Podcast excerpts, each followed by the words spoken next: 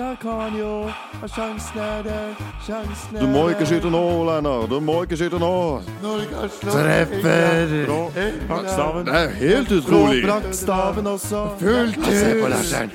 Fullt hus i dette verket. Det er trangt. Det er trangt. Gi den mannen en stav. er. Se på Petter Han. Se på han. Nå kan du slå av rekord. Det var litt tidlig, det. Subjektiv idrett! Woohoohoo! Hei, og hjertelig velkommen til en ny episode av Subjektiv idrett. Dere har meg, deres programleder Carl Wille Børresen. Og så har vi fått uh, en ny medprogramleder. Det er jo Jas ut og Yasin inn. Yasin Sadegi, velkommen. Stemmer det. Takk, takk. Og så har vi fått en eh, fantastisk eh, ekstern gjest denne Ja. gangen. Ja. Og det er ingen ringere enn VGTV-programleder og podkastprogramleder for podkasten Enkel servering. Martin Sleipnes, velkommen. Takk skal du ha. Og ja, Martin, vi, vi du og jeg ble jo kjent Altså, vi, gjennom, vi eh, har Altså, herregud, for noen minner vi har sammen. Den kvelden oppe på Nye. Vet Yasin, vet du om, Har du hørt om det? Jeg har ikke hørt om det. Nei, for jeg har jo en podkast sammen med Morten Ramm og Ole So som heter Enkel servering på VGTV. Vi eh, fikk eh, en DM en gang fra noen som eh, var sånn eh, Jeg har ikke venn, så jeg fulgte opp Jeg har, jeg har ikke venner. Eh, så jeg begynte å dykke litt dypere inn i hvor mange som ikke har venner, egentlig. Så fant jeg ut at det er veldig mange i verden som ikke har venner. Så vi arrangerte en vennekveld på Humornjø, på Torshov i Oslo. Og vi pratet om det i podkasten i to-tre uker, to-tre episoder. Og så lagde vi et arrangement der man kunne komme dit og være med på vennekveld og få seg nye venner. Og det dukka ett menneske opp. Det var Karl Ville fra Finland. så der sto han, da. Og det som var artig med den kvelden, var jo at eh, Morten hadde et sånt uh, Av og til så har Morten Ramm han har den mellomste scenen der han inviterer folk, og så eh, sier han ikke hvem som kommer og skal ha show. Uh, og akkurat den kvelden så var det Magnus Carlsen, Tore Sagen Bård Tuft Johansen. Bård Tuft Johansen. Det var faen meg den sjukeste lineupen noen gang på et show i Norge. Og billettene kosta 120 kroner eller noe sånt. Da Morten bare gjør det på kødd. Så der satt vi, da. Oppe På, i andre etasje på Nye. Og det ble backstagen for det showet. Så alle de profilene kom jo opp dit. Alle som, profilene som skulle i publikum og se på, kom opp dit.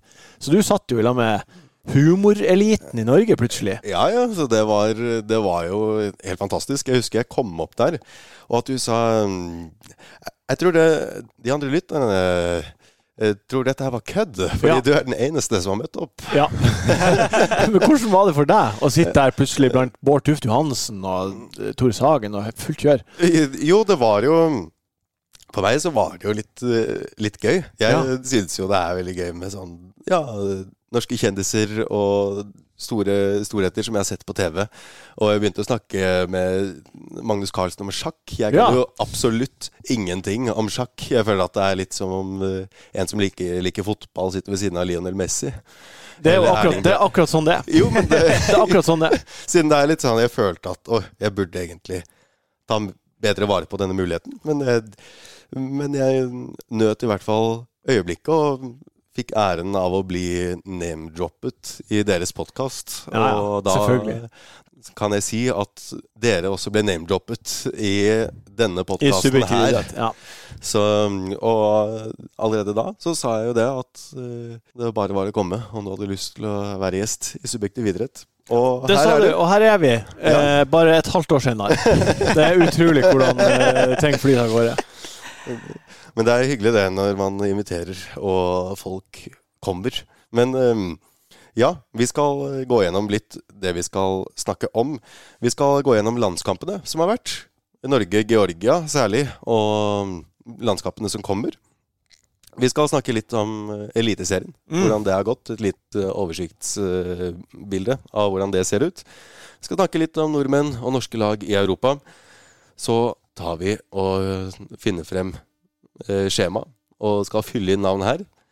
Og ja, det er egentlig programmet for, eh, for i dag. Er, er dere klare, gutter? Det høres tettpakket ut. Bare sett i gang.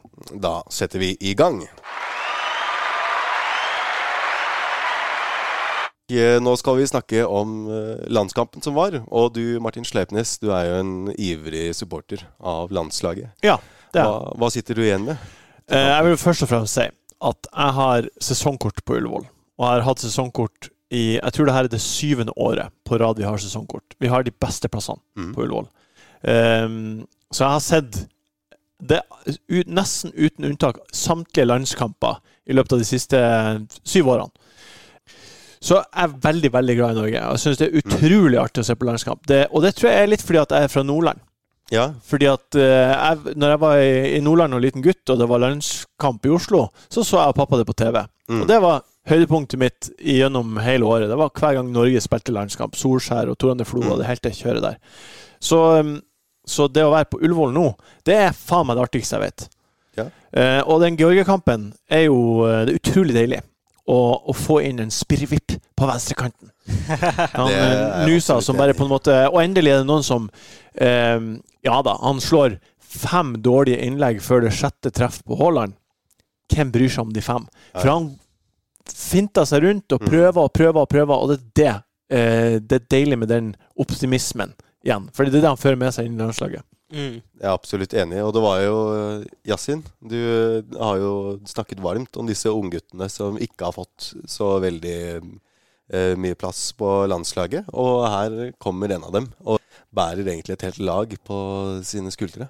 Ja, jeg har nevnt tidligere at jeg syntes Nusa burde vært inne i varmen så tidlig som mot Skottland i sommer. Og Skottland-kampen, der Mm. burde ikke Patrick Berg bli bytta ut. helt Nei. enig, Ja, og det nevnte faen, jeg altså. også, for uh, han er jo en av de som han er jo den som opprettholder balansen i midtbanen. Og når du byttet ut ham, jeg husker ikke hvem som kom inn, så merket man at Og ved å bytte ut Haaland Ja, det var de to som gikk ut. mistet liksom alt av eh, vilje framover, og da kunne skottene bare fritt kjøre på. Det var jo helt sinnssykt, den der, eh, det raske comebacket. Men, eh, men Nusa spesifikt, for en spiller. Ja, Når vi ja, er snakker. X-faktor Det er spilleren jeg vil ha til mitt kjære Milan-lag, som erstatter for Rafael Leao, som jeg tror dere har til PSG.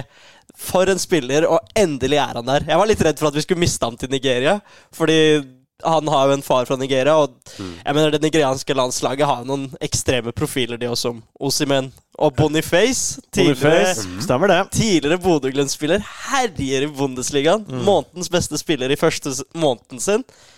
Det er jo ekstremt, det laget der òg. Så veldig gøy at Nusa endelig er liksom sikra for norske landslaget. Ja, Det var veldig deilig, den um, kampen mot Georgia. At de, det er litt sånn shaky på slutten, selvfølgelig, når det Mm. blir 2-1 og alt det der. Men for at de skal kunne komme seg til EM, så må de ta, vinne hver jævla kamp fra nå ja. og ut. Eh, så, og da starta de nå. De, Mm. mot, de trente mot Jordan og koste seg, og 6-0 eller hva det ble. Og så leverer de mot Georgia i en kamp der de har presset på seg. Og det var deilig. Ja, Det som jeg stusset over, var jo det at kommentatoren, eh, Øyvind Alsaker, poengterte det at det var utrolig mye mer som skjedde på Norges venstre side enn Norges høyre side. Og da vil jeg jo poengtere det at på venstresiden så var det faktisk en bekk og en ving. Eh, Der på høyresiden var det jo en 1,95 høy stopper Ja. og en eh, ja, ikke stort mye lavere midtspiss, egentlig. Ja, nei, han er vel De er jevnhøye. Ja, og jeg, altså jeg kan ja, Han har spilt Jørgen Strand Larsen.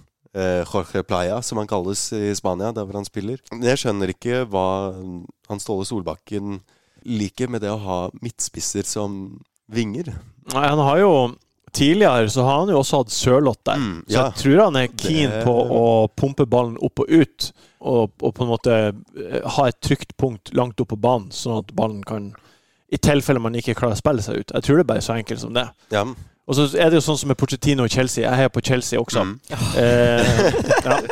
Jeg tror at akkurat nå så starter han Colville på venstreback i stedet for Chilwell Mm. for å ha høyde i Ja. laget på cornerer. Mm. Så jeg tror det er mange sånne små ting vi ikke, han ikke sier høyt, eller vi, Mm. de fleste ikke tenker seg fram til sjøl, eh, som er grunner til det. Så Det tipper jeg var årsaken til det. ja, at det er en slags sånn Drillo Ja, det er bare liksom det, Vi kommer til å få corner imot.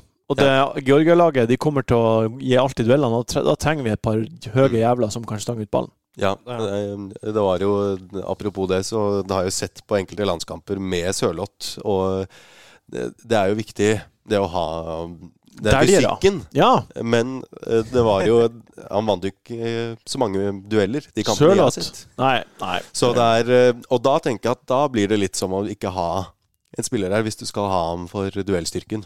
Jo, men jeg tror lettere når ballen kommer inn i feltet, corner Da er det lettere å bare ah, Ballen skal vekk Mm, ut. ja. Jeg skal ikke gjøre noe med den. Han skal bare bort. Mm, Det er ja. lettere enn å stå med en mann i ryggen som er like høy som deg, og bare Da er det lettere å gjøre noe på en corner enn å gjøre noe i en angrepsfase. Ja, Ja. og det er jo nå kamp mot Spania i oktober. Mm. Det er jo den største kampen. Mm. Så møter vi vel også Kypros kanskje før det. Ja, Kypros, og så Spania. Kyp. Kypros borte, sant? Ja, Ja, og så Spania hjemme den Mm. 16. Ja, så de, rekker, de norske spillerne rekker å kose seg litt på Kypros. før 16. oktober. Det Ja, er 15. 15. oktober. 15. oktober. Mm. Søndag 15. oktober. Ja, ja. Stemmer det. Da er jeg hjemme fra Tokyo. ja. Skal jeg rett på kamp. Oi. Eh, Yasin, du, hvordan tror du det her blir å gå?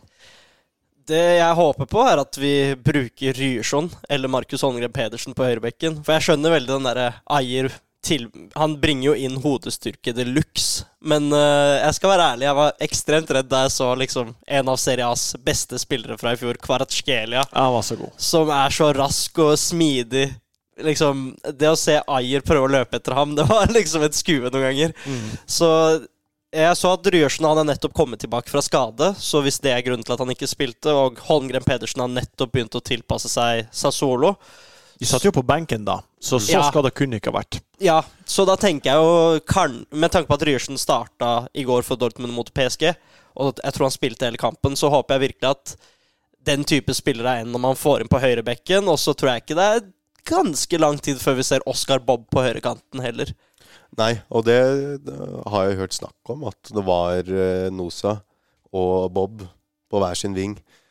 Og jeg vil jo tro at det kan være et våpen, i hvert fall mot de litt mindre, mindre lagene, da. F.eks. Kypros. Ja, de kan få kjørt seg inn, kanskje, men det er jo Jeg tror at uh, Norge og Spania, som de må vinne med 3-0 eller mer Ja. uh, altså, For at Norge skal Ja. komme til EM gjennom gruppespill, så må Norge vinne 3-0 eller mer mot Spania, samt at Spania taper poeng i en av de andre kampene de har. Ja. F.eks. hjemme mot Skottland. Da Ja. kan Norge ta andreplassen. Og Norge blir ikke klare å spille ut Spania. Nei. Det, det skjer ikke. Mm. Så de, de er nødt til å eh, kontre, enten med kjappe spillere eller dælje inn dødballer.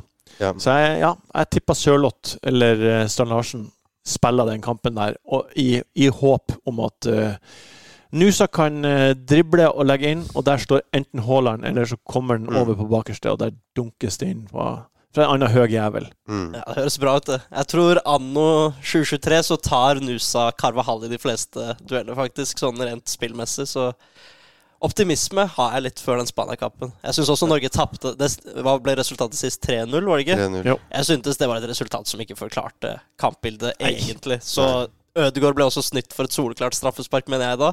Ja, og, og Aursnes bomma på åpent mål på bakerste. Det, ja, nei, det, Ja, det, det var var ikke noe hellig kamp. Ja, det var den Kepa-redningen som var Ja. helt ute av verden. Ja. Så Gordon Banks-lignende. Ja, men det er det som er litt sånn synd med Norge, da. At de får De har liksom den uturen mot seg. I tillegg så er det jo Nations League. Ja. Der er det fem grupper, og det, det er to av de utfallene i de fem gruppene må falle Norge sin vei. ja. Det kanskje. Det er så fantastisk å høre. Det er kanskje. Men hvis Norge kommer på tredjeplass i gruppen sin, Ja. og det ikke skjer dette med Nations League, da er de ute. Da er det, da er det VM om to år. Ja. I USA. Ja. Og da skal vi dit. ja. Det føles veldig som Groundhog Day når man snakker norsk landslagsfotball. For det er sånn, Før hvert eh, eh, gruppespill starter, så har man den optimismen.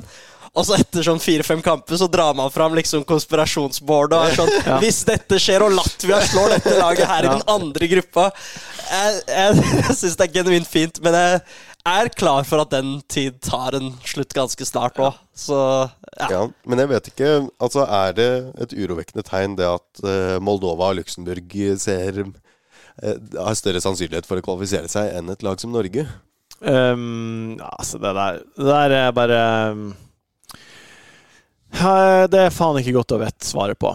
Det er opplagt urovekkende at Luxembourg Er det fordi de er i gruppe fire i Nations League? Det er, eh, det er, Det er sikkert derfor. et eller annet Ja, fordi- eh, sånn, men de er ikke Jeg har sett på de forskjellige gruppene, og det er en, en gruppe. Da ledet jo Finland og Kasakhstan, og jeg er jo eh, litt fra Finland, så jeg heier jo på det, selvfølgelig. Men Hvordan kjennes det i blodet når de tusen sjøer slang?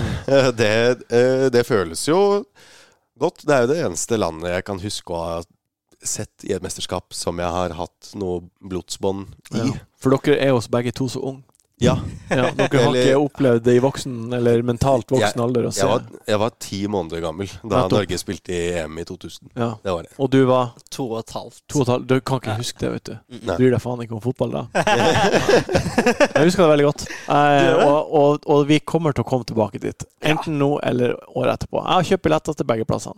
Ja, men det, er- det er gøy å se uansett, ikke Ja. sant? Og um, ja, jeg ser det. Kasakhstan er bare um, De er bare ett poeng bak uh, lederen i gruppa her. Ja. Både Finland og Kasakhstan bak Slovenia og Danmark.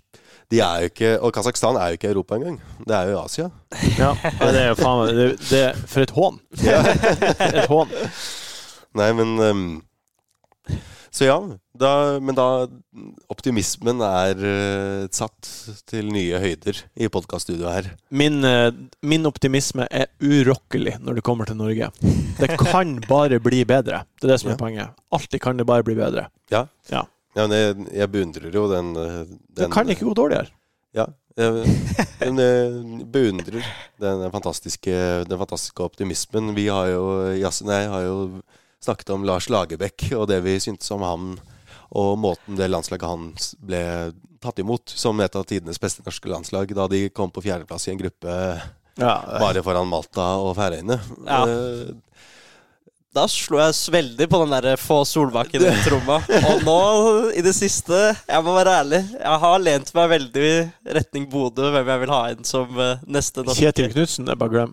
Han hadde vært svaret! Ja. Norge hadde spilt ut så å si alle land med Kjetil Knutsen Ja, der. ja, men det er bare glem. Skal du bare Du kan t- gå ut av studio. egentlig. Få inn Kjetil Knutsen, sier jeg. Men hva liker du best, eh, Martin? Bodø eller Norge? Bodø-Glimt. Altså, uten tvil. Han ville jo ikke gi Kjetil Knutsen, så Ja, sier sitt. ja, ja, men, ja, ja, men da tar vi det som et tegn, og da tenker jeg at vi kan gå videre til hva som har skjedd i Eliteserien. Og ja, hvilken dramatikk det er i Eliteserien, og med dine, dine gule, Ja. gule favoritter ifra nord. ja, det er helt jævlig spennende akkurat nå. Ja, Ja. Og så er det et annet lag fra nord som prøver å ta Tromsø. det igjen. De, ja. Jeg er jo fra Bodø. Ja. Og jeg vil jo ikke at Tromsø skal gjøre det bra. Nei, Nei. selvfølgelig ikke. Nei. Og jeg vil jo ikke at uh, noen lag skal gjøre det. Altså, det, det, det kommer til å bli helt sinnssykt spennende ut uh, sesongen nå, men det laget som sitter på nøkkelen til alt det her, er Molde. For de har både Viking, Glimt og Tromsø på hjemmebane. Ja. Uh, så det er liksom, selv om det er ni kamper igjen, så er det allikevel uh, Alt kan skje. Viking har akkurat tatt eh, 31 poeng av 33 mulige i løpet av sine rekka de har hatt, mens Glimt tok halvparten av det. Mm. Og, og det egentlig har snudd siden starten av sesongen. Så um, jeg tror Molde også er en del av det firkløveret som kan hevde seg. Hvis de vinner alle sine kamper, så vinner de ligaen. Fordi da at Jeg tror ikke Glimt, Viking eller Molde eh, Tromsø ikke tapper poeng i løpet av de resterende ni kampene. ja og Så det kommer til å bli sjukt spennende. Hva tenker du, Yasin? Eh, jeg støtter den at Molde fortsatt er med i kampen, for de er bare Hva er det? Seks-åtte poeng, åtte poeng bak Viking. Ja. Uh, poeng men de mistet en av sine største profiler. Og en spiller jeg føler kommer til å kjempe med Patrick Berg på landslaget om den dype midtbaneplassen. Sivert? Man, Sivert ja. Nei, det er bare glem. Han er nå i Ajax. Ja, ja, nei, han, eh, det er lenge til han tar Patrick sin plass. Ajax kontra Bodø. Men eh, ja, Ajax har hatt en veldig dårlig sesong. Men uh, hvis vi går tilbake til Tromsø Herregud. Ja. Jeg er jo en som Jeg er jo fra Oslo, så da ønsker jeg jo at Vålerenga skal gjøre det bra. Selv om uh, jeg har en veldig rar historie til norsk fotball, og Rosenborg er laget som jeg kanskje er nærmest på en rar måte. Ja, hvorfor det? For historien er jo slik at jeg falt ut helt med norsk fotball. Bare fordi jeg, jeg engasjerte meg ikke like mye, merket jeg, som alle de andre som eh, heiet på Vålerenga. Ja. Og da falt jeg ut, og så fulgte jeg litt med da Alansinho og uh, Stabæk. Mm. ja. Stabæk-generasjonen der. Nanskog. Nanskog, ja. Oss, øh, og Vegard Pål Gunnarsson husker jeg også. Fantastisk profil. Men så kom jeg tilbake av Nikki Bille. Ja. ja, det er faen meg Det weird. Det er weird. For jeg er en fyr som liker karakterer. Jeg klaget veldig lenge på at norsk fotball har jo ingen sånne profiler som gjør Som er sånn enten så elsker du den, eller så hater du den. Ja. Og Milan hadde jo da Balotelli rundt de tidene. Så jeg hadde en liten ting for det. Folk som var veldig medias fiende, men også Du måtte være Ja, hva skal man si? Du måtte heie på bad guyen for å kunne like det, og da var det ikke billig med rivningen av drakt og masse rare Altså, jeg var i København i helga og løp København halvmaraton. Og da satt vi på en eh, pub og tok en lettøl på lørdagen, for løpet var på søndagen. Og da var det en fyr inne på den puben som hadde på seg superskinny dressbukse, silkeskjorte, og de fire øverste knappene knappa opp. Og hele han var tatovert, og han hadde sånn stygg hatt på seg inne på puben. Og da, tenkte jeg på Nikki Bille. Jeg trodde du skulle si at møtte men ja, Å, nei. det er den. Men fy faen for en stygg fyr, tenkte jeg.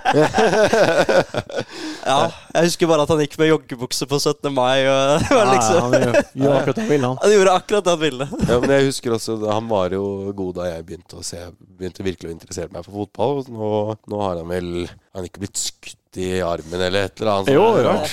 Jo, jo, har full halloi tilbake i Danmark, og full halloi og skada og skyt, skutt. Ja. Så det Mitt beste minne av ham er det derre Jeg tror han skårte to mål i løpet av ett minutt eller noe i en eliteseriekamp. Og da Det var gode tider som en Nikki Bille-fan. Ja. Men eh, jeg har ikke vært så mange siden, da. Men det er en annen sak. Det var han og Vidar Ørn Kjartansson, husker jeg var store Ja. skårere. Men eh, når vi går til Vålerenga Ja. Det er jo liksom Jeg føler de underpresterer, underpresterer så utrolig mye.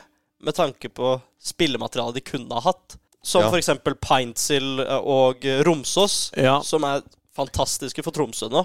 ja det er jo um, Ja. De, men stallen til Vålerenga er jo bare slik den er, på en måte. De er ikke noe bedre. Mm. Eh, og så selger de jo unna spillere tvert de begynner å bli gode. Enten det er Sidiata eller det er eh, Ejuke for noen år siden, eller altså Sharawi. De selger unna alle som blir bra. Så da Mm. får- de rekker aldri å stabilisere seg i toppen. Men Strandberg har de eh, baki der. Ja, nei, det er Han eh, det er, anna, Jeg føler at han er annenhver kamp jævlig bra, og annenhver kamp så virker han som at han syns at Eliteserien er dårlig.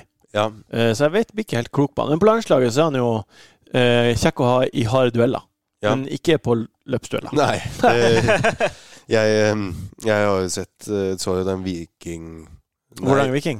nei det, var, det var det ikke. Det var med Strømsgodset. Ja. Og det, da, var det, da hadde han en litt sånn kamp. virket, virket, eh, Ja, den kampen, ja. ja. Det var jo 1-0-tap til Strømsgodset med Herman Stengel som skåret på straffe. Så da, Stengel, ja. Da var det um, ukvemsord som kom fra klanen. Seig for Vålerenga. Men nå er de jo ute av eh, Altså, de Jeg tror de snur det med Geir Ja. Det, ja. det der blir bra, tror jeg.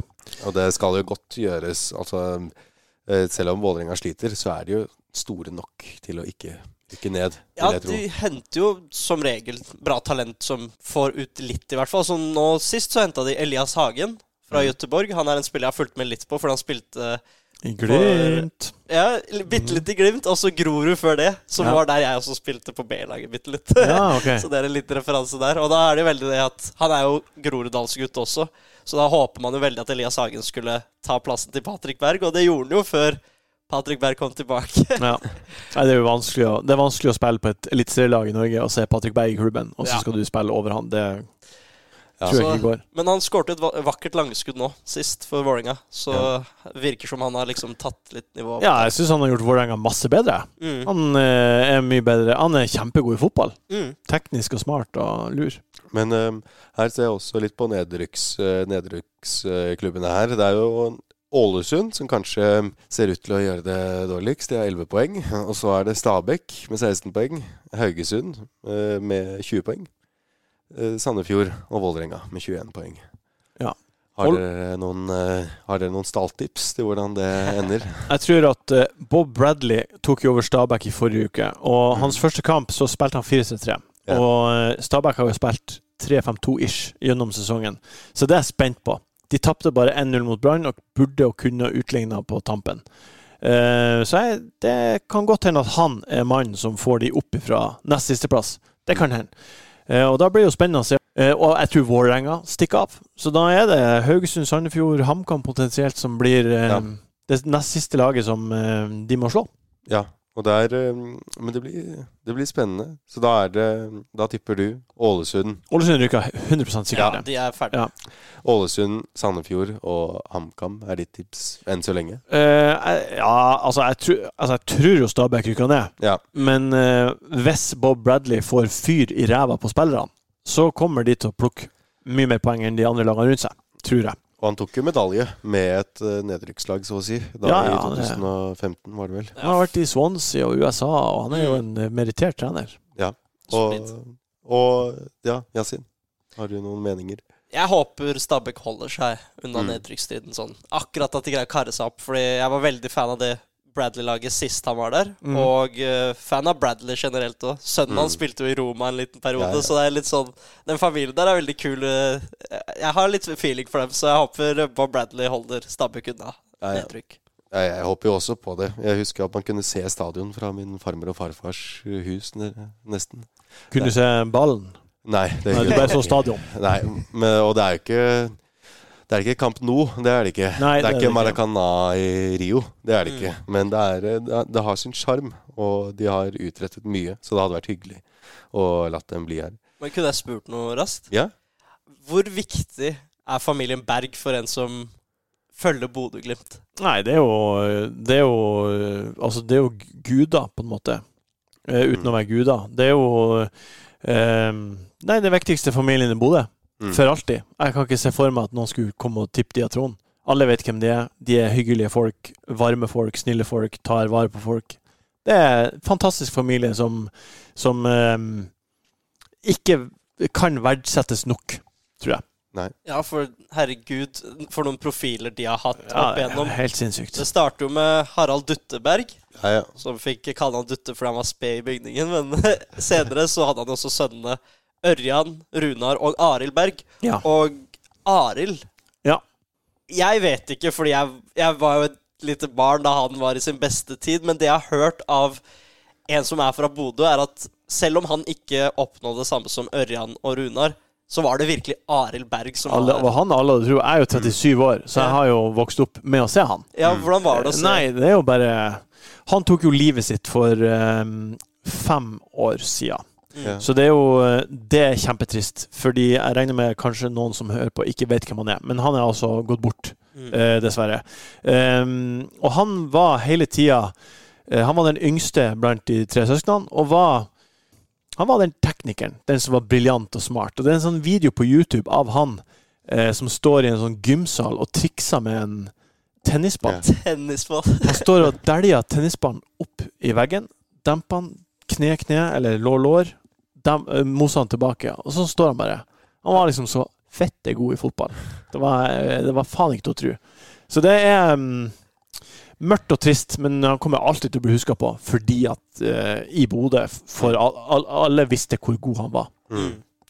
Han var en kunstner. Måtte han huskes eh, Ja. for evig. Og mm, ja, Harald Dutteberg er jo sånn som min, eh, min mamma husker. Nå blir det kun sikkert oppgitt at jeg sier det. Det sier noe om alderen hennes. Eh, Men eh, han var regnet som en av sin generasjons beste spillere, og så kom jo da Ørjan, og Ørjan særlig, da, som var kanskje eh, Ja, Ørjan var jo den som virkelig vant pokaler Mm. gjennom Rosenborg. Og, og, og som spilte på landslaget. mm. Tre ganger årets spiller, også som midtbanespiller. Kniksen-prisen fikk han der. Mm. Så ja. Merittlista hans var jo den lengste. Magisk fotballfamilie. Mm. Ja. Ja. Og hva tror du det er med den familien som gjør at det er så mange gode? Det er jo ikke så vanlig. Nei, det er et Det er. Maldini-familien i Milano, da.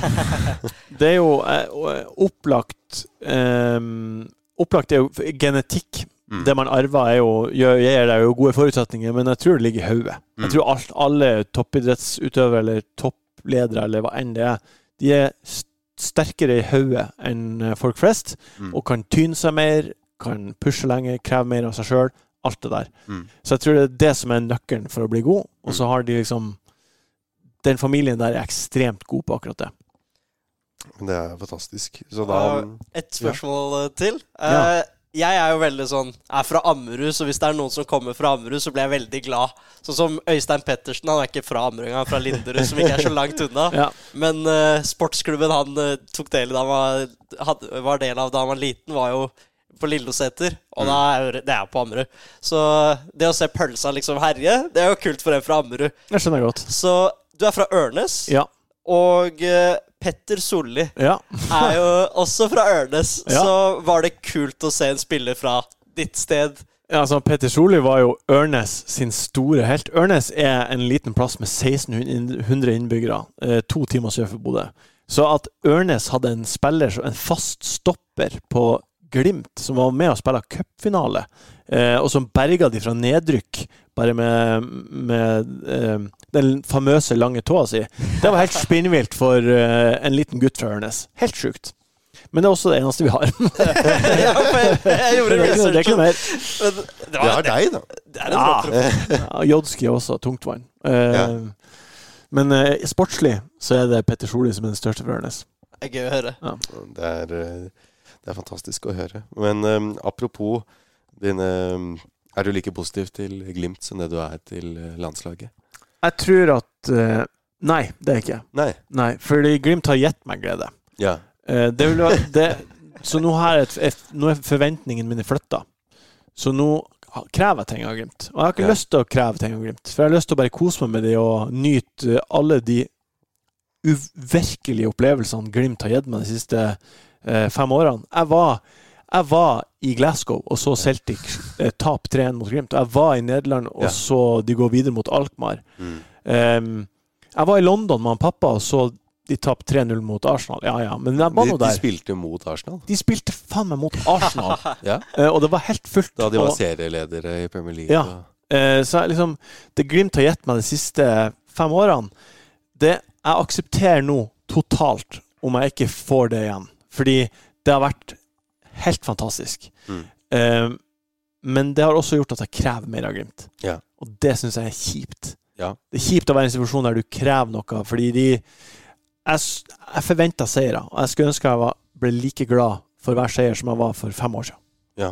For jeg husker da jeg begynte å se på fotball, da var jo Bodø-Glimt Det var en nedrykksklubb. Ja ja, jojo-klubb. Og så det, det som de har blitt nå, er jo helt utrolig. Og at de har blitt det uten så veldig mye mer enn det de hadde for ja, ti år siden. Da. Nei, de har jo bare flippa spillere. Ja. Det er det de har gjort i mange år. Og, og det å få spillere til å, til å ville spille der med tanke på klima, altså hvor kaldt Kjøp en, de kjøper Ja. en danske for 25 millioner. Ja. Og han selvfølgelig skal til Glimt, han. Ja. Og der, det var jo som Alexander Sørloth sa, han er fra Trondheim. Det er ikke så mye lenger sør, det. Men han sa det at det var minusgrader nesten Det er helt jævlig å spille fotball i si Bodø. alle kampdager. Ja. Så det er utrolig. Det, Helt utrolig. Men um, det er så noe helt fantastisk romantisk med det de har fått til. Ja. Så um, ja, Bodø-Glimt pluss en bergenser. Jeg liker, jeg liker sant. De har tatt over Norge. Og da, da er ditt uh, tabelltips, hvis du skulle ha tippet Slutt. Uh, OK. Jeg tror at Glimt, som skal spille seks kamper i Conference League, de skal spille mot Vålerenga om eh, faktisk ei uke og en dag i cupsemifinalen på Intility. Eh, jeg tror de tar Vålerenga, og da blir det en cupfinale. Så de har åtte flere kamper enn Viking på den korte tida. Jeg tror det blir for mye ekstrakamper. Mm. Så jeg tror ikke Glimt vinner ligaen. Jeg tror, Vik, jeg tror Viking vinner ligaen. Fordi de ser ut som et, det beste laget. Blant eh, Tromsø ser også ut som et bra lag, men Viking skårer flere mål. Og det, de skårer nok mål til å vinne flest kamper, tror jeg. Fantastisk. Nei, ikke Nei, fantastisk. nei. Men, Men, fantastisk takk. for eh, Eliteserien. At man har Ja, så det er sikkert det. Det er sikkert fantastisk for Eliteserien, men Det det var, eh, det var ikke meningen. eh, det- Men dette, dette er jo perfekt. Det er jo det som gjør at jeg blir optimist for det norske landslaget. Selv om det sikkert er trist at man ikke liksom Forventningene blir jo større når man plutselig slår Roma og Mourinho som går fra å beefe med sir Alex Ja. Ferguson og slåss med Bodøs ja, det er utrolig artig. støtteapparat. Det, liksom, det har endret seg, og man ser jo det med talentene Norge får inn på landslaget. Det er liksom framover så håper jeg bare så mange som mulig norske lag gjør det bra. Og jeg deler også den der filen på at Viking ender på toppen, for det er noe med den der rekka på sånn ja, 11 kamper, 31 poeng på 30, ja, 33 mulige. Ja, det er helt sinnssykt. Det Latterlig. er latterlig bra. Det er slik Molde gjorde i fjor. Og i, fjor de vant 16 kamper på rad, Mm, og sånt. vant i ligaen. Selvfølgelig. Ja. Sånne lag vinner ligaen. Mm. Ja. Det, blir, eh, det blir eh, spennende å se. Har Viking vunnet så veldig mange ligatitler før? Nei, det er, jeg har ikke peiling. Nei, Nei. Ikke peiling.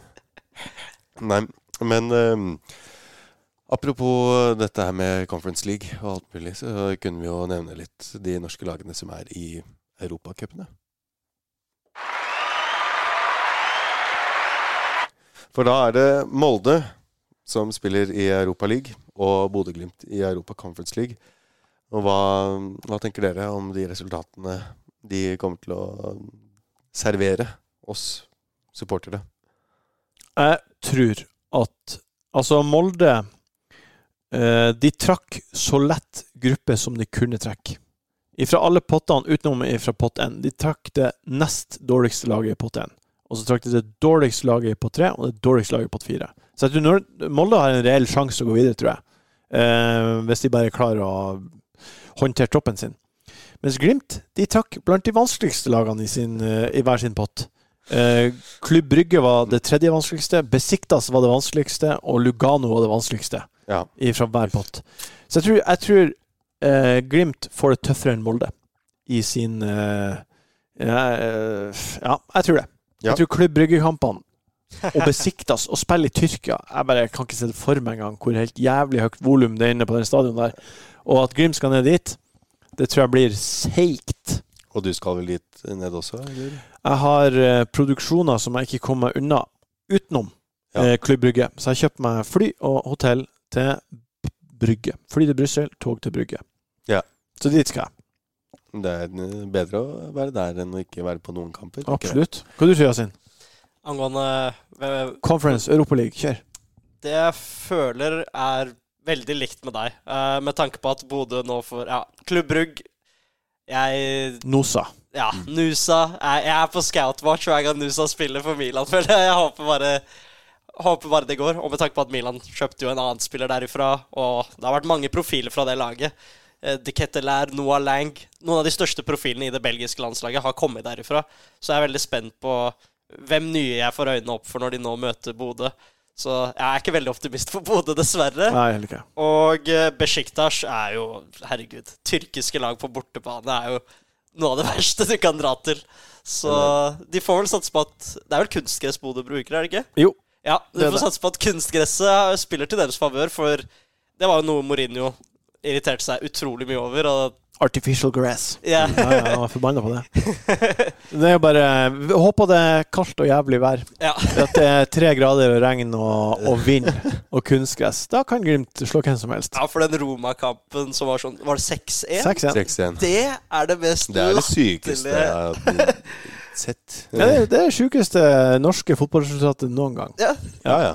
Det er eh, Ja, du vil gå så langt. Sykere enn eh, 2-1 borte mot AC Milan. eh, Ja. eh, eh, Seks mål! Seks mål, bror! Ja, ja, ja, ja. Ja, og det er noe med at det var Mourinho De vant jo turneringa til slutt, Ja. Roma, og Kjempelag. Ja. røk på straffer. Nei, nei de, altså Jo, eller- Roma vant. Roma, jo, ja, jeg trodde at du mente at Bodø-Glimt vant. Ja, Nei, nei, Roma vant. Det hadde vært sjukt. Men det at de liksom De eneste som skilte dem fra å vinne Europaligaen i fjor, var straffekonk mot Sevilla. Mm. Og det sier jo litt at Bodø er så å si på det nivået når de leverer på sitt beste. Mm. Og, og det er kunstgress. Og det er kunstgress, selvfølgelig. litt kaldt i lufta, og litt ekkelt for de. Litt snø. Ja, Ja. det spiller jo litt sånn som da Chelsea møtte Tromsø, var det vel òg? Ja. På bortebane, der hvor du ser Gianluca Vialli liksom løpe rundt, og det snør, og du har den der oransje ballen som er veldig famøs når det er dårlig vær i Norge. Latterlig. Og jeg tror Tromsø også fikk et bra resultat der. Så Ja, Tromsø vant 4-2 i den kampen, og så tapte de 7-1 i returkampen. Min pappa var i London på businesstur og så den kampen, 7-1-kampen, og han hata Tromsø. Derfor heier jeg på Chelsea. Oi! Fordi jeg, han kom hjem og sa sånn Nå heier vi på Chelsea. ok, Ja. Så det er sånn det starter? Sånn heier jeg på Chelsea. Ja. det er gøy. 1997 7-1. Da er det. Tore André Flo og Ja, det var i de legendene 99. Ja. I 99 kom han fra Brann til Chelsea. Så da ble det jo enda sterkere, selvfølgelig. Oi, var det, kom han så sent? Mm. Så han var eh, stjerne for landslaget og i VM før han Ja. eh, Som eliteseriespiller. Mm. Desto mer imponerende. Men eh, ja, jeg, jeg tar deres, deres eh, anbefalinger for god fisk, jeg. Rett så du gjør, Carl Ja. Fra Finland. Ja, ja. Det, det er hyggelig. Og Champions League, har dere noen formeninger om hvem som kommer til å gjøre det bra der? Kommer vi til å se noen norske, norske spillere briljere? jeg har faktisk ingen mening om Champions League. Fordi la- Chelsea er ikke med, Nei? og Bodø-Glimt eh, er er ikke med. Og da, så jeg ser ikke på Champions League. Men jeg regner med at City vinner. Ja. Eller skulle jeg tippe? Ja.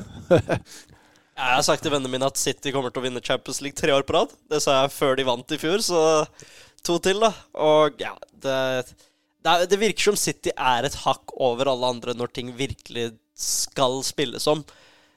En ting som er gøy, er at jeg syntes Jeg ble veldig overrasket over hvor svakt nivået til Newcastle var i går. For da spilte de mot Milan. Ja, Milan. Ble jo kjørt til Newcastle. Ja, Ja. og det er utrolig irriterende at det ikke ble en 2-3-0-seier, minst. Så det å se Newcastle være så svake De har vært veldig svake i ligaen nå. Men uh, hvis vi skal fokusere litt på Chelsea Jeg syns det er veldig gøy med Todd Burley. Mm. Som jeg har sagt før på denne podkasten og sagt til mange venner, jeg føler han har et gamblingproblem. Og bare Ja. må få vist det ved å kjøpe hvert eneste talent han Han, han har altfor mye penger, Ja. og han syns det er så artig. Det er akkurat det som er greia. Han syns det er artig å satse, satse, satse, og så ser vi hva som skjer. ja. Nei, det er jo helt eh, Det er jo nasty. Ja, Det er helt jævla nasty, det Chelsea har drevet på med i, i to fulle år nå. Men uh, hva skal jeg gjøre? Nei? Det er ikke mine penger, det er ikke jeg som er sjefen, så jeg må bare forholde meg til det og være sånn Ja, da får vi se om det er artig i neste kamp. Ja, for er det en konstellasjon av Chelsea-spillere du føler liksom er sånn Dette laget er det beste. For jeg føler det er så Som en outsider så er det liksom så mye random Ja, nå er det jo bare Det er jo bare tre spillere igjen fra fjorårets sesong. ja, Fire er det. Stirling, sorry. Mm. Og Mudryk kom i midt. Ja. Det er så masse som har bytta ut at jeg jeg kjenner ikke igjen laget. Men det er også det som er litt artig. Det er som å starte en save på FM, og du har, du har bare plukka alle de største talentene, og så ser du hva som skjer. Det, er ikke, det, er liksom, det betyr ingenting. ja. Ja. Det er gøy. Ja. Men um, det, det, blir sikkert, eh, det blir sikkert bra til slutt, det. Eh, Vi får se hvordan, får se. se hvordan det går. De har skjønt så mange talent, så et eller annet punkt så går det greit. Ikke? Det er det. Jeg har jo sagt at jeg liker litt det derre vi kjøper det beste talentet, men det må være en plan bak, så det ikke blir så Ja. rotete som De bare Og- kjøper alle talentene, så er det Ja. noen som springer til toppen til slutt. ja, Men det er det som er så rart også, at de har et så, de har et så godt akademi. Og så selger de de akademispillerne sine, og så kjøper de eh, gode unge spillere for sånn 100, 120 millioner. Som en Milan-fan er det verdt å nevne at det ikke er så negativt at Chelsea selger noen av spillerne sine. Det er. Pulisic og Ruben Loftus-Cheek og Giroud og og Tomori. Ja, Tomori. Det er masse spillere som er bra. Loftus Cheek spesielt. Jeg har en venn av meg som er Chelsea-fan. Han sa tidligere sånn at i 2016, typ da Sarri var der, den tiden der, at Loftus Cheek på sitt beste er kanskje den beste midtbanespilleren i verden, og jeg har latterliggjort ham i mange år siden. Men etter å ha hatt smaken av Loftus de første månedene Han er så jævlig god med ball i beina, og driver han har, og han er utrolig. Han, han ble bytta ut mot Roma, og da er det videoklipp av Theo Hernandez og Rafael Leao, store profiler de òg, som skriker på treneren sin 'Hvorfor bytter vi ham ut? Han er sterk!' Og så signaliserer de frustrasjonen sin. Og Pioli måtte jo poengtere at han hadde et gult kort, men Ja. Ja, for en spiller. Ruben Loftus Chick. Så jeg håper Mudrik også tar den turen når han går lei. Altså, det er Vær så god. Vær så god. For ja, men eh, tror vi at et norsk lag kan komme i Champions League snart? Um, hvis Glimt og Molde gjør det bra i sine gruppespill, så vidt jeg har skjønt det, så samler de Jeg tror de må ha tre seire hver, eller noe sånt. Så samler de nok koeffisientpoeng til at neste årets vinner av Champions av Eliteserien eh, kommer ett hakk videre i ehm, Kommer inn ett hakk senere i sin playoff på vei til Champions League. Og er det hvis bare to kamper? eh, ja, ja, og hvis det fortsetter her, Mm. eh, så vil Norge på sikt ha to lag som eh, er en Mm. del av Champions League-kvaliken. Så um, når det skjer, hvis det skjer Nå når Molde spiller i Europaligaen og tjener 250 millioner på det, og, Glimt kanskje tjener 110, Så eh, plutselig så kjøpte de jo De har jo kjøpt Kasper Øyvand fra Tromsø, Molde, for 20 millioner kroner. Og det det er det som på en måte bygger Eliteserien, gjør alle lagene bedre, gjør at vinneren må være bedre. Så jeg tror at på, i løpet av tre-fire år, kanskje. Og øhm, tror vi at det kommer til å ha noe innvirkning, eller landslaget kommer til å ha noe innvirkning på det? Enten Ja, at. Hva, hva tror dere kommer først? Norge i et mesterskap eller klubblag i Champions League? Yasin? Jeg tror at når Norge får eh, Det er ikke noe å tilføye på det som nettopp ble sagt av Martin. Det er jo perfekt. Det er jo det at når man får denne andreplassen, så vil man også se spillere fra utlandet da. Flere av dem, de profilene, komme til Norge, og det vil jo også da øke nivået på de som trener dagligdags med disse spillerne.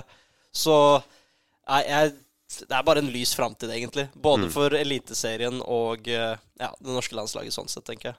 Ja. Da Vi krysser fingre. Og mens vi krysser disse fingrene, så tar vi også frem eh, skjema og skal fylle inn navn her. Og da er vi klare for fylle inn navn her. Dette her går ut på at vi da skal gjette en idrettspersonlighet gjennom tre hint. Ja. Og hvis du gjetter riktig etter første hint, er det tre poeng. Hvis du gjetter riktig etter to hint, er det to poeng. Hvis du gjetter riktig etter tre hint, er det ett poeng. Og sånn fungerer det. Hvem vil gå først? Jeg kan gå først. Eh, Gjestene, gjestene først. Mm. Da er vi klare til å motta dine, dine hint. Jeg var en aktiv utøver fra 1999 til 2019. Aktiv utøver fra 1999. Altså i 20 år. 2019, ja.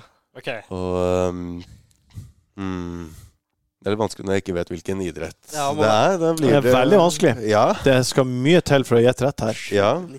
Skal vi se 2019. 1999 til 2019. Ah, Hvor er det Zlatan ryker, liksom. Ja, han- det, Det er ikke fotball.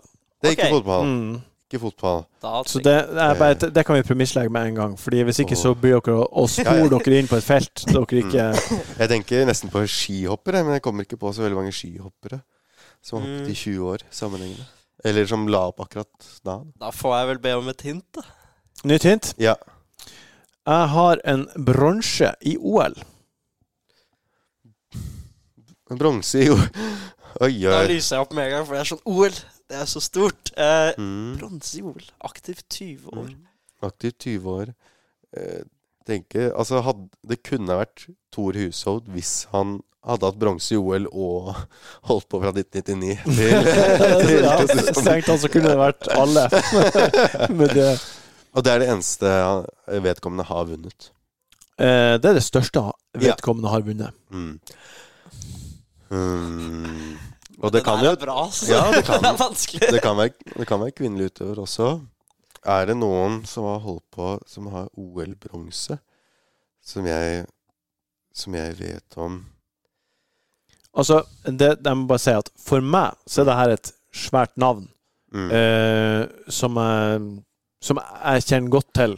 Eh, så, og hvis, hvis det største vedkommende har vunnet, er en bronse, Ja. kanskje er det ikke vinter-OL han eller hun har deltatt i. Nei Um, Er det Stig André Berge? Det er rett. Ah, jeg tenkte Men jeg, jeg, jeg, følte ikke at han starta 99. Han starta 99. Det var da han eh, Han starta kanskje litt før. Kanskje Ja. han var junior, men det var hans første liksom, eh, konkurranse der han vant noe. var i 1999. Okay. Eh, Norgesmesterskap. Herregud. Ja. Det er jo en av de profilene jeg har snakket om som vi vil få en tillit. Siste hint ville vært jeg er for tida aktiv på parketten. Ja. Ah, Jeg har, en til, fotballrelatert. Vi tar den fort, Ja. eller hva? ja. Jeg er fra Lørenskog. Eh, Lett. å, Lett. å. Lett Jeg- Jon Carew. Ja, jeg, jeg tenkte at den var for lett. Jeg burde skrevet Shade, kanskje. Ja, ja. Ja. Men eh, ja, Mm. Lørenskog er- Ferdig. Vi, eh, vikingen fra Ibenholt, eller hva han ble kalt i Valencia. Ja, han har Han har vunnet La Liga, Ligaen, Liga A og Eliteserien. Ai, ai. ai, ja, Ja, ja. jeg husker det Ja. hælsparket mot Real Madrid. Da var Casillas i mål. Og da, da skårte Jon Carew med hælen sin. Og det er sånn type 06-05 eller noe. Veldig Ja. tidlig, husk, eller 07 kanskje til og med. Men ja, herregud. Det var en spiller, ass. Ja. Og han skåret jo på straffe i straffekonk i Champions League-finalen Ja. mot Oliver Kahn. I en alder av Dessverre gikk det ikke. 22. Nei, dessverre. Dessverre, dessverre. Nå, er, nå vil jeg gjerne ha være med. Har Ja. dere forberedt? Skal jeg, skal jeg ta det? Ja. Jeg har én landskamp for Norge.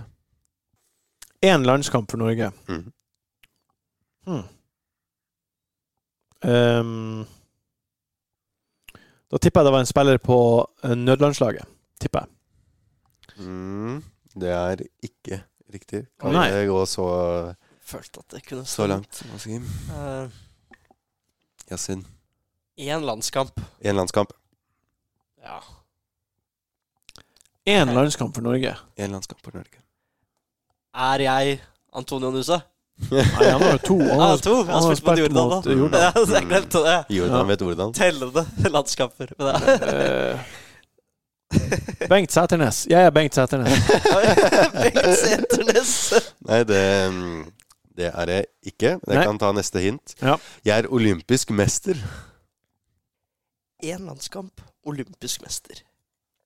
Ja, hvis du er på noen 1936-greier nå Nei, han var jo ikke olympisk mester, han var jo tredjeplass bransje. Olympisk mester har én landskamp for Norge. Jeg tenkte om jeg skulle ta noen fra bronselaget, ja, men så tenkte jeg at jeg hadde lyst til at folk skal ha lyst til å være gjester i dette programmet. Så da Ja, det er jo faen helt umulig. Eh, Da er det jo Pikken og Jøkkeren og det er masse sånne rare navn. Eh, olympisk mester og én landskamp for Norge. Mm. Hva faen? Jeg, jeg, jeg, har ikke, Jeg jeg har ikke peiling. Jeg har ikke peiling. er blank, ass. Et et lite ekstra hint. Eh. Det behøver ikke å være samme landslag. Samme landslag som han har spilt for, og samme landslag som han har vunnet med. Hæ? Nei. Nå røpte jeg, røpte jeg altså kjønnet på vedkommende. Ja, du sa han. Skal jeg ta tredje hint? Um, jeg, jeg er faktisk like blank. Ja. Martin Sleipnes er like blank som Kronborgen som serveres i, på tapp På på. Samfunnet Bislett eh, nede i høyre her. Tredje hint. Mitt ettermæle etter mitt arbeid i Norge har fått en mørk sky over seg. Men i Sverige er jeg ansett som en Messias.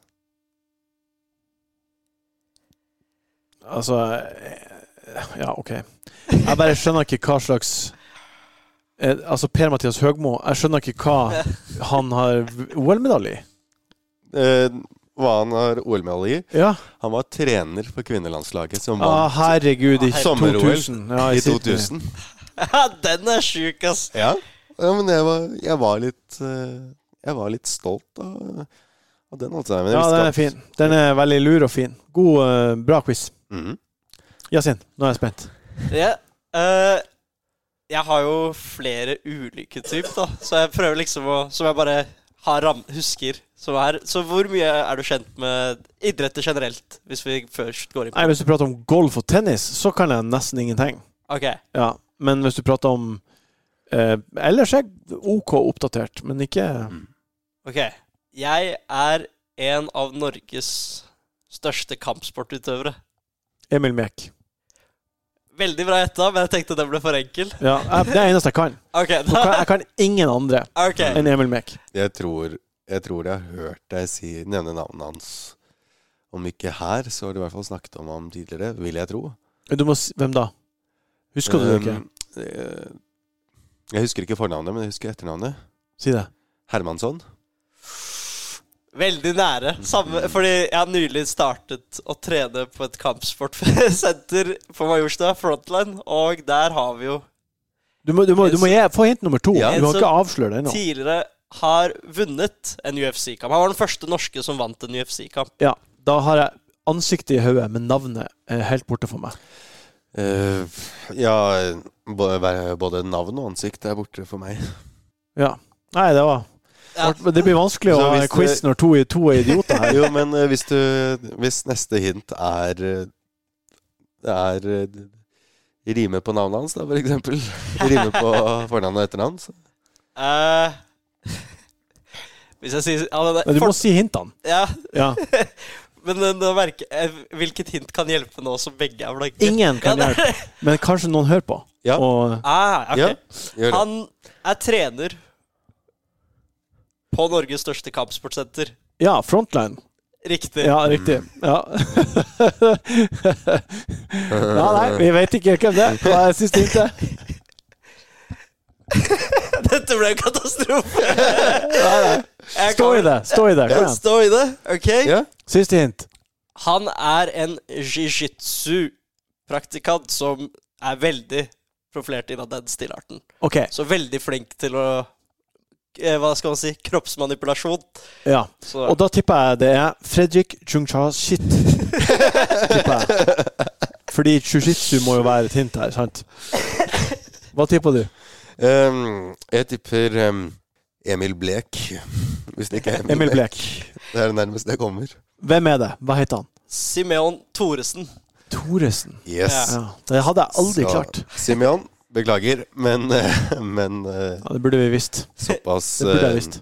Såpass uh, subjektivt vet det ikke. Nei, ja, det er stor innad visse kretser. Men jeg har en annen mer eh, profilert en, da. Ja, ta, ta den. Skal vi se Ja, nå må du reise er. kjerringa her, for nå var det helt katastrofe. Nå, nå, ny runde, og da, det blir bra. Ja. Jeg er en av tidenes største norske landslagsprofiler. Ja. Det er jo, da kan jeg bare si N, og så kan du si N. ja. Ja, og Ja. så Hvis dere Mm. feiler, så går vi videre. Ja. Ja, Da tipper jeg Steffen Iversen. Godt gjetta, men eh, ikke Halvard Thoresen. godt gjetta, men heller ikke det. Jeg har vunnet det gjeveste klubbtrofé. Ja, Jon Arne Riise. Bra! Ja, den. yes, der er vi oppe og nikker på hesten. Det var hyggelig av deg. Altså, nå har han litt, eh, en litt roligere en. for oss og for lytterne. Men ehm, ja, da skal vi vekk fra spalten. Uh, skjemaer er fylt ut og tilsendt diverse, diverse kontorer rundt om i det ganske land. Kunne jeg raskt stilt spørsmål, siden vi er her. Du har jo tidligere vært prod.ass, Ja. og vært veldig mye bak kamera. ja. Så Ja. kan, kunne du forklart det å gå fra valget å være en figur bak til å være en mer fremtredende figur foran? Ja, det kan jeg. Uh, uh, jeg tror at veldig mange som havner foran kamera, har veldig lyst til å være foran kamera. Og hele deres liv uh, belager seg på, på det. At alle valg de tar, og alle ting de gjør, handler om akkurat det. Sånn har ikke mitt liv vært i det hele tatt. Jeg har egentlig bare vært opptatt av å lage ting. Og det, i det bygget vi sitter nå, eh, så lagde jeg min første podkast i 2013. Den heter Wildcard FC og handler om Fantasy Premier League. Kan man Da finne den eh, på Eh, ja, nå- nå er den-? Nå er den lagt ned. Ja. Så den, eh, det har ikke kommet ut noen sendinger på ett og et halvt år, tror jeg. Ja. Fordi på et tidspunkt så gikk jeg ut av den, så tok noen andre over og fortsatte med den. Ja. Men de har også slutta med den, så Mm. den, eh, den er ikke aktiv lenger. Nei. Men da sneik vi oss inn her, i det bygget vi sitter i, og så spilte vi inn den podkasten. Og det er på en måte Det var min døråpner til alt det artige jeg har gjort i livet. Det at jeg eh, lagde et produkt som folk likte. Folk, så jeg kunne si til folk Se her, det har jeg gjort. Jeg, jeg kan historiefortelling. Jeg forstår hvordan man skal prate i en mikrofon. Og så har det bare balla på seg. Jeg har fått jobba eh, fordi eh, den podkasten ble lagd. Og det har også gjort at jeg til syvende og sist sitter her med dere. Og jeg sitter her med dere fordi jeg har eh, eh, enkel servering med Morten Ramoli So. Så det er på en måte Min vei til det har egentlig bare vært lystbetont og full av flaks, men også god timing, og ikke noe jeg har trakta etter, men noe jeg har uh, fortjent, føler jeg. Mm. Hvis jeg kan være så hoven å si det. Ja, det, det er lov. Livet ditt har hatt en sirkeldramaturgi. På en måte. På en måte. Endte opp med å komme tilbake hit. Ja, der er starten. Etter alt det Ja, store ja. dåpet. Og nå er alt ferdig etter det. Men uh, du sa at hvert år så produserer du jo ulike ting for VG. Ja. Og uh, hva er det som nå da motiverer deg når du skal lage noe nytt? Nei, det er jo det at uh, Sånn sett så er jo VG en, en, for meg en helt perfekt arbeidsplass. Fordi jeg får lov til å bidra med det jeg er best på, og det jeg syns er morsomst. Etter hvert i livet så blir man jo trygg på seg sjøl, og man, man skjønner at det jeg er flink på, det kan jeg ikke. Så nå får anledning til å jobbe med de tingene jeg er flink på, og jeg får lov til å være med og gjøre det artig sammen med andre artige folk. Mm. Så liksom Nå er det bare fryd og gammen hele tida, egentlig. Det er veldig, veldig deilig. Livet mitt er altså så deilig. Herregud. Det er fint å høre. Ja. Fantastisk. Så satser vi på at vi havner der. Nærheten. Bare stå i ting. Grind og stå i ting, og fortsett å lage, fortsett å gjøre. Så kommer noen til å oppdage det etter hvert. Mm. Og da er liksom Det er veien til mål. Eh, Det er å være flink og stå på. Mm. Det er perfekt melding til lyttere, det. Dere som er Jeg har vært her, da. Ja. Der dere sitter nå. Akkurat der jeg har vært. Ringte til eh, Sendte melding på Facebook til eh, kjendiser. Mm. Og så sa jeg kan dere Kan du være med på en podkast? Vi har det og det og det. Ja, og fikk Så- du Så du fikk svar? jeg ja. Ja. Og derfor eh, Jeg syns ikke jeg er kjendis, men derfor er det en selvfølge at jeg skal være med her. Fordi Mm. Hvis folk drar opp stigen etter seg, Mm. så er det jo ingen unge sultne som kommer seg noen vei. Mm. Så jeg kommer aldri til å være en fyr som drar opp stigen etter meg. Mm. Jeg kommer til å eh, ta, ha med min egen stige, og Mm. legge den også ned. Så har du to stiger du kan gå opp på. Mm. Det er fantastisk. Sånn Det er pay, fantastisk. pay it forward. eh, Ja, Det er viktig. Jeg tror det er veldig viktig. Mm. Ja, Raushet og varmhet og være snill og god. Mm. Så hvis man trenger stige, gå til uh, VG-studio. ja, ja, og det- det- jeg har ikke så masse stiger. Så det er jo på en måte Det må være en eh, Du må være, ha gode stiger. Mm. Ja. Nei, men uh, tusen takk, eh, Martin. Vi har snakket om uh, landslaget, om Eliteserien og om fotball. Og vi, vi har jo en Avslutningsvis så har vi jo en liten challenge. Og den, Yasin, den har jo du, har du stått for. Og vok det voktet Du var jo nervøs for at jeg skulle se den bare jeg gikk forbi deg i dag, Ja, rett før vi skulle spille inn. for Da vi diskuterte hva det skulle være, så sa jeg jo enkelte ting det kunne ha vært. Men så var jeg sånn Vent, da vil du være med? Da, da skal jeg ikke si noe til deg heller. Og jeg ser det på Yasin. Det er for du, du som sitter og hører på. Han, han, han gløder. Ja. Han er rødglødende der han sitter. Så gira er han på å si denne challengen. Ja. Denne challengen er kul. Ja. Så konkurransen mellom dere to nå ja. vil være Håndbak. Nei. Kunne ha vært Det er tre ulike oppgaver. OK. Og det det går ut på, er at eh, Martin skal konkurrere med Carl Vilde. Å, herregud. Ja. Og det vi da starter med, er første spørsmålet. Hvor mange far-sønn-kombinasjoner har vært eller er på det norske landslaget? Hvor mange dere greier å ramse opp? Hvis Martin sier 'jeg greier to', så kan Carl Ville si 'jeg greier tre'. Martin får bestemme om han vil la Carl Ville ta de tre, okay. eller selv gå for fire. Skjønner. Og dere har et halvt minutt på å ramse opp så mange som mulig. Hvis tiden da går Og det er f- spørsmål Det er far-sønn-kombinasjoner nå, eller som har vært? som har vært òg. OK. Ja. Så hvis man har noen der, så er det bare å nevne. Mm. ok Jeg, klarer, jeg blir klart tre. Jeg tror at jeg klarer fire. Jeg tror jeg klarer fem. Antall far-sønn-kombinasjoner. Oi, oi, oi. Jeg, jeg tror ikke Jeg tror ikke at jeg klarer mer enn en fire. Så jeg, jeg tror jeg gir meg, på, gir meg på det. Er det lov, Yasin? Ja, det er lov. Ja. Men da kan jeg starte klokka om åtte sekunder, så får Martin på han, Martin har et halvt minutt på seg. Hvis han ikke greier det, så får Carl Ville poenget. Ok. Klar, ferdig, gå! Gjøran Sørloth og sønn Sørloth. Eh, Patrick Berg og ja, eh, eh, Dutte. Harald. Eh, Ørjan. Riktig. Eh, igjen. Solbakken, Solbakken. Riktig. Far og sønn. Um, jeg tok nok litt for hardt i her, ja. 26 Fem, fire Jeg klarer bare tre på sparket nå. Jeg, jeg var Der har vi fullført første spørsmålet. Og Martin kvier seg. at, at kan jeg eh, Det var jo Eller skal jeg Har jeg fått poenget nå? Ja, Du har fått Ja. poeng. Gratulerer. Og, jeg kan, og jeg er jo overrasket over at du ikke nevnte kanskje det mest kjente, nemlig Haaland. Ja da. Ja, ja, ja. ja, ja, ja, ja. For vi har Fikk jernteppe. Alfie Haaland, vi har Haaland, Sørloth, Berg, Torstvedt, Ja, ja, ja. Iversen Ja, ja, ja. og eh, Solbakken, da. Ja, Er det jeg fant. ja det stemmer, det. OK. Otto Og Steffen Iversen. spørsmål nummer to. Siden vi har Eller det er blitt bedre sånn. To. Ja. Siden vi har Martin i studio, så tenkte jeg hvor gøy er det ikke om jeg stiller spørsmålet Hvor mange Martiner har vært på det norske landslaget? Ho. Hvor mange greier vi? Jeg klarer tre. Oi.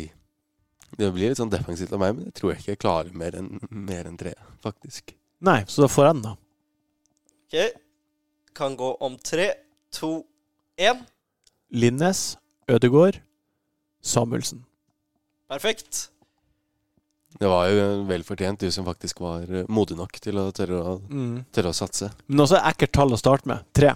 Ja, ja. Hva skal du gjøre? Fire er tøft, altså, på Ja, ja. sekunder. Martin Samuelsen, som var eh, Antonio Nusan, bare, bare at mot eh, San Marino, eller hvem det var Ja, ja, han ja. spilte mot, så gikk Ja. det nedover. Ingen nevnte Martin Andresen. Nei. Nei, nei, nei. Jeg trengte bare en Andresen. Men det, da hadde vi det, så Til info, syv stykker har hett Martin på landslaget. Oi. Og to har hatt Martin som mellomnavn. Harald Martin Brattbakk. Er Martin Brattbakk. Og uh, riktig, Ja. en av tidenes beste målskårere. Og Ja. han, han andre er også en av tidenes beste norske målskårere. Martin Sidi.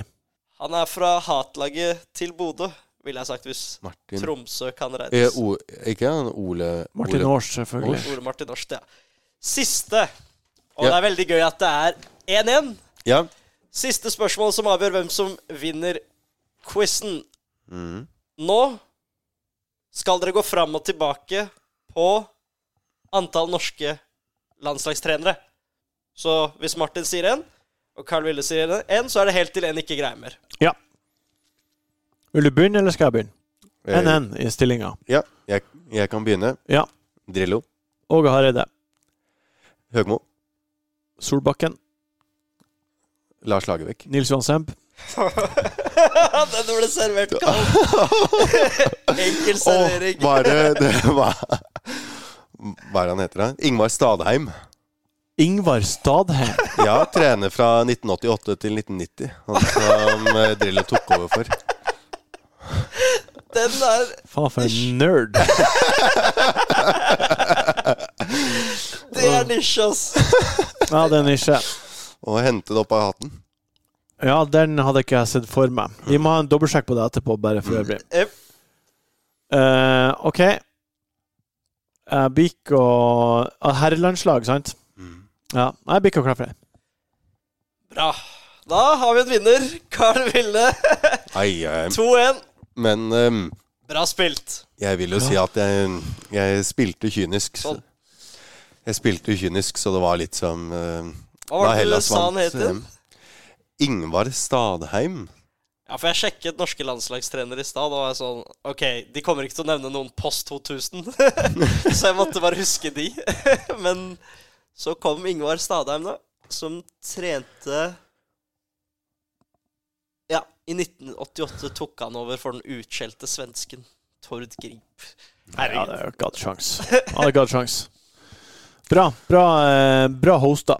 Ja, og nå som vi skal runde av, har du noe lytterne kan se deg i som kommer nå til høsten? Til høsten så tror jeg det er ingenting eh, Ikke lov å le på hytta jobber jeg på som eh, reporter. Så alle de intervjuene som er De synkene, som det heter, intervjuene med folk som er, man klipper til, eh, de har jeg eh, og en som heter Kim Midtly, er stilt spørsmålene til. Men det som er liksom det neste programmet som blir artig, som kommer, det er 14. februar, Valentine's Day. Da kommer Av med maska. Der skal Oskar Vestelin date åtte dyr. Og under dyremasken så er det kvinner.